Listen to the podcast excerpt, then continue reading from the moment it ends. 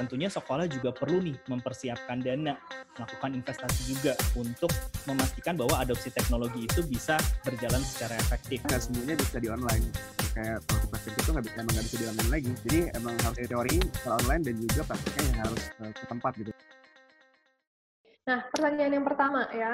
Mengutip data Ikatan Guru Indonesia, IGI, Lestari Mudrijat, Wakil Ketua MPR mengungkapkan nih, berdasarkan pelaksanaan pembelajaran jarak jauh yang diterapkan tiga bulan terakhir, tercatat 60% guru memiliki kemampuan sangat buruk dalam menggunakan teknologi informasi saat mengajar.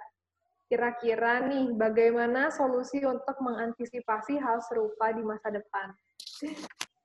Jadi, eh, ketika kita kembali lagi ngomongin kompetensi guru itu eh, dalam konteksnya sekolah kita eh, jadinya perlu lihat lebih luas gitu ya. Ketika kita mau mengajak sekolah mengadopsi teknologi, guru itu tidak menunjukkan kemampuannya karena apa? Atau memang karena motivasinya kah? Atau memang secara secara kompetensinya memang belum bisa? Jadi eh, sekolah itu eh, solusinya adalah pertama ini ada enam pilar uh, dalam adopsi teknologi. Uh, sekolah itu perlu jeli untuk melihat sebenarnya dari sisi aplikasi sekolah udah punya belum yang standar maunya apa. Kemudian dari sisi jaringan, dari jaringan udah ada belum tersedia belum koneksi internetnya. Jangan sampai dia bisa tapi karena nggak ada koneksi internet kan jadi nggak kelihatan juga ya kemampuannya. Terus perangkatnya, hmm, okay. perangkatnya udah ada belum? Perangkatnya mumpuni nggak untuk melakukan kegiatan pembelajaran jauh, jarak jauh menggunakan teknologi. Terus kita bisa lihat juga apakah sekolah itu sudah punya konten digital yang menjadi standar juga. Lalu eh, dari sisi SDM-nya, kalau misalkan ternyata aplikasinya udah oke, okay, udah ada, jaringan udah ada, perangkat udah ada, konten udah ada, yang gunain kan SDM-nya ya. Jadi SDM-nya udah paham belum menggunakan aplikasi, menggunakan kontennya, memanfaatkan jaringan dan perangkat yang sudah ada. Dan di sisi lain kita juga tidak bisa uh, menyampingkan adanya pendanaan bahwa guru itu dipersiapkan, uh, dibekali, tentunya sekolah juga perlu nih mempersiapkan dana, melakukan investasi juga untuk memastikan bahwa adopsi teknologi itu bisa berjalan secara efektif. Pertanyaannya adalah, bagaimana menciptakan proses pembelajaran jarak jauh yang interaktif dan menyenangkan bagi para siswa? Uh, dari aku, uh, tergantung audiensnya sih. Kita harus lihat audiensnya itu siapa. Misalnya uh, audiensnya bapak, bapak ibu guru gitu kan, atau misalnya audiensnya student-student yang masih muda-muda gitu. Jadi uh, kalau engagement itu harus sesuai juga sama audiensnya gitu. Jadi jangan sampai, uh, maksudnya nggak uh, cocok gitu kan. Jadi harus sesuai juga sama audiensnya. Paling itu aja sih. Kalau toolsnya itu bisa dipakai di uh, segmen mana aja. Cuman mungkin uh, dari segi pertanyaan, dari segi konten itu disesuaikan lagi sama audiensnya. Gitu. Uh, kalau satu arah uh, dari guru ke muridnya, kemudian materi-materi di kelas itu sudah cukup, sepertinya juga perlu kita diskusi lebih lanjut lewat uh, fitur grup-grup tadi, misalnya ada Telegram atau WhatsApp grup gitu.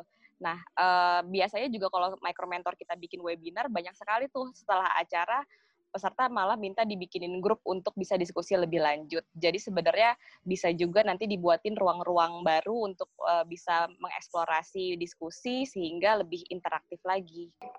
Dalam hal pendidikan jarak jauh, bagaimana sekolah kejuruan sebaiknya beradaptasi dengan hal ini? Mengingat banyaknya kegiatan praktik yang banyak dilakukan dengan model tatap muka. Uh, mungkin kalau dari aku sih, uh, di BLK itu kan rata-rata muridnya eh, SMK juga. Nah, uh, kemarin uh, halangannya adalah ya gurunya yang aku bilang tadi, jadi nggak semuanya bisa di online. Kayak praktik-praktik itu nggak emang nggak bisa di online lagi. Uh, jadi emang harus di apa uh, ada teori secara online dan juga praktiknya yang harus uh, ke tempat gitu ya. Paling mereka uh, jaga jarak, juga mungkin uh, kuotanya lebih dibatasin uh, siswanya gitu. Jadi mungkin shifting uh, schedule-nya kayak gitu sih. Jadi emang mau nggak mau harus praktek di uh, tempat sih kayak gitu. Memang uh, untuk tatap muka atau offline itu sendiri memang agak susah ya di saat pandemi seperti ini dan mereka juga tetap harus uh, apa namanya ada uh, ada hard skill-nya atau uh, face to face. Jadi so far yang saya perhatikan pun mereka masih uh, lebih ke shifting terutama untuk kukri ya atau hospitality. Hmm, yep, yep, yep. Oke, thank you Kak Ayu. Dari Kasania, ada tambahan Kasania?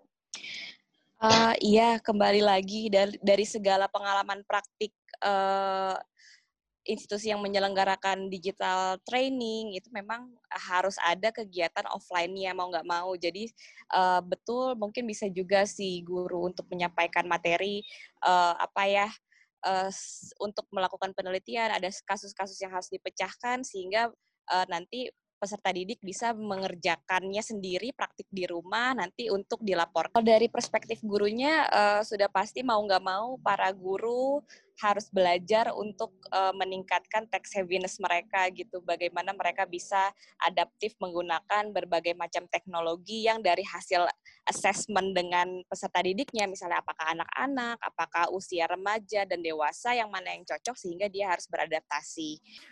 Uh, murid itu cara belajarnya sekarang udah beda.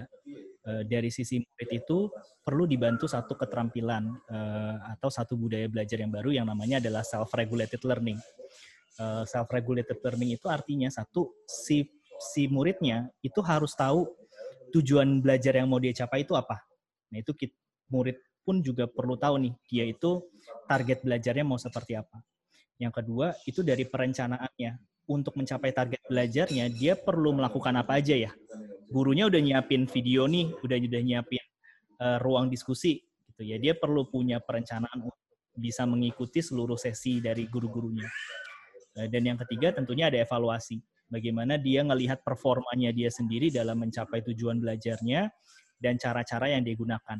Kurang lebih sih pertanyaannya tantangan dan ancaman serta penanggulangan pola pendidikan era digital untuk guru dan uh, siswa ataupun mahasiswa gitu. Jadi kurang lebih pertanyaannya kayak gitu. Dari saya, hmm kalau di micro mentor kita juga ngembangin sekarang uh, karena memang kebutuhan ya karena kan uh, kalau penelitian dari Kompas sudah uh, menyatakan bahwa dari pandemi ini ke kejahatan cyber meningkat tiga kali lipat dari sebelumnya gitu jadi sebenarnya tantangan uh, kejahatan cyber memang nyata dirasakan untuk seluruh lapisan masyarakat tidak hanya guru dan murid juga gitu. Jadi uh, itu sih yang harus di, diantisipasi. Sebenarnya sekarang kan sudah mulai banyak pelatihan-pelatihan keamanan cyber. Uh, Micro Mentor sendiri juga ada pelatihan keamanan cyber.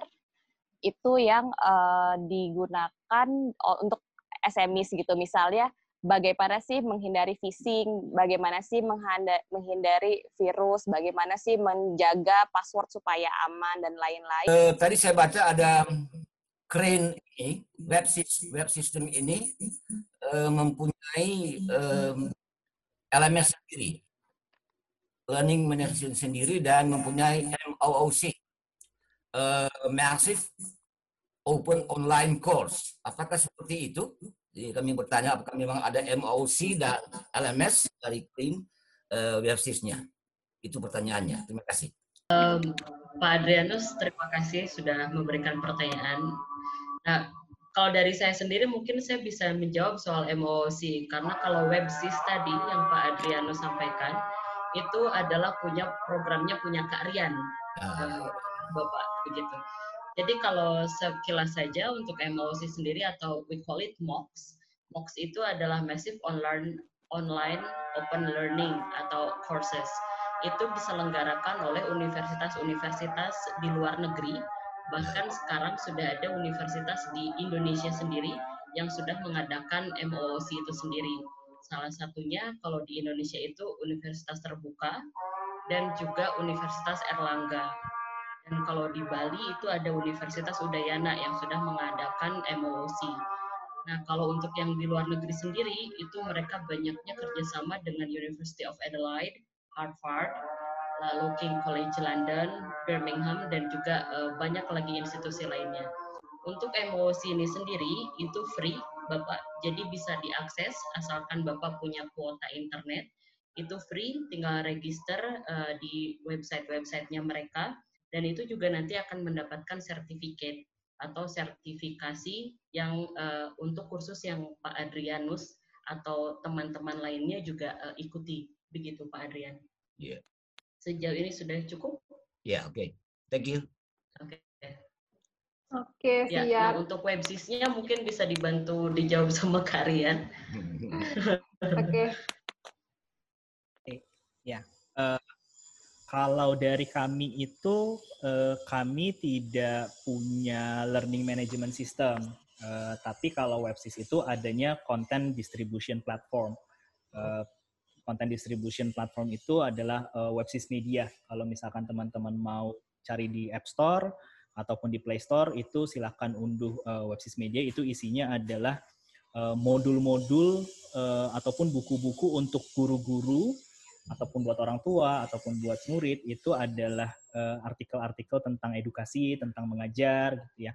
Eh, Tips-tips eh, bikin kegiatan belajar jarak jauh jadi menyenangkan itu ada di sana. Nah, dengan content distribution platform ini biasanya kami bekerja sama juga dengan pihak-pihak untuk kalau misalkan nih ada modul-modul yang mau ditaruh di websis media itu bisa sekali ataupun buku. Jadi eh, dan di websis media ini eh, bukunya juga sudah interaktif. Eh, Formatnya kalau misalkan teman-teman familiar itu formatnya HPUB. Jadi eh, di dalam bukunya itu udah bisa masukin video dari YouTube, ada yang bisa masukin website gitu.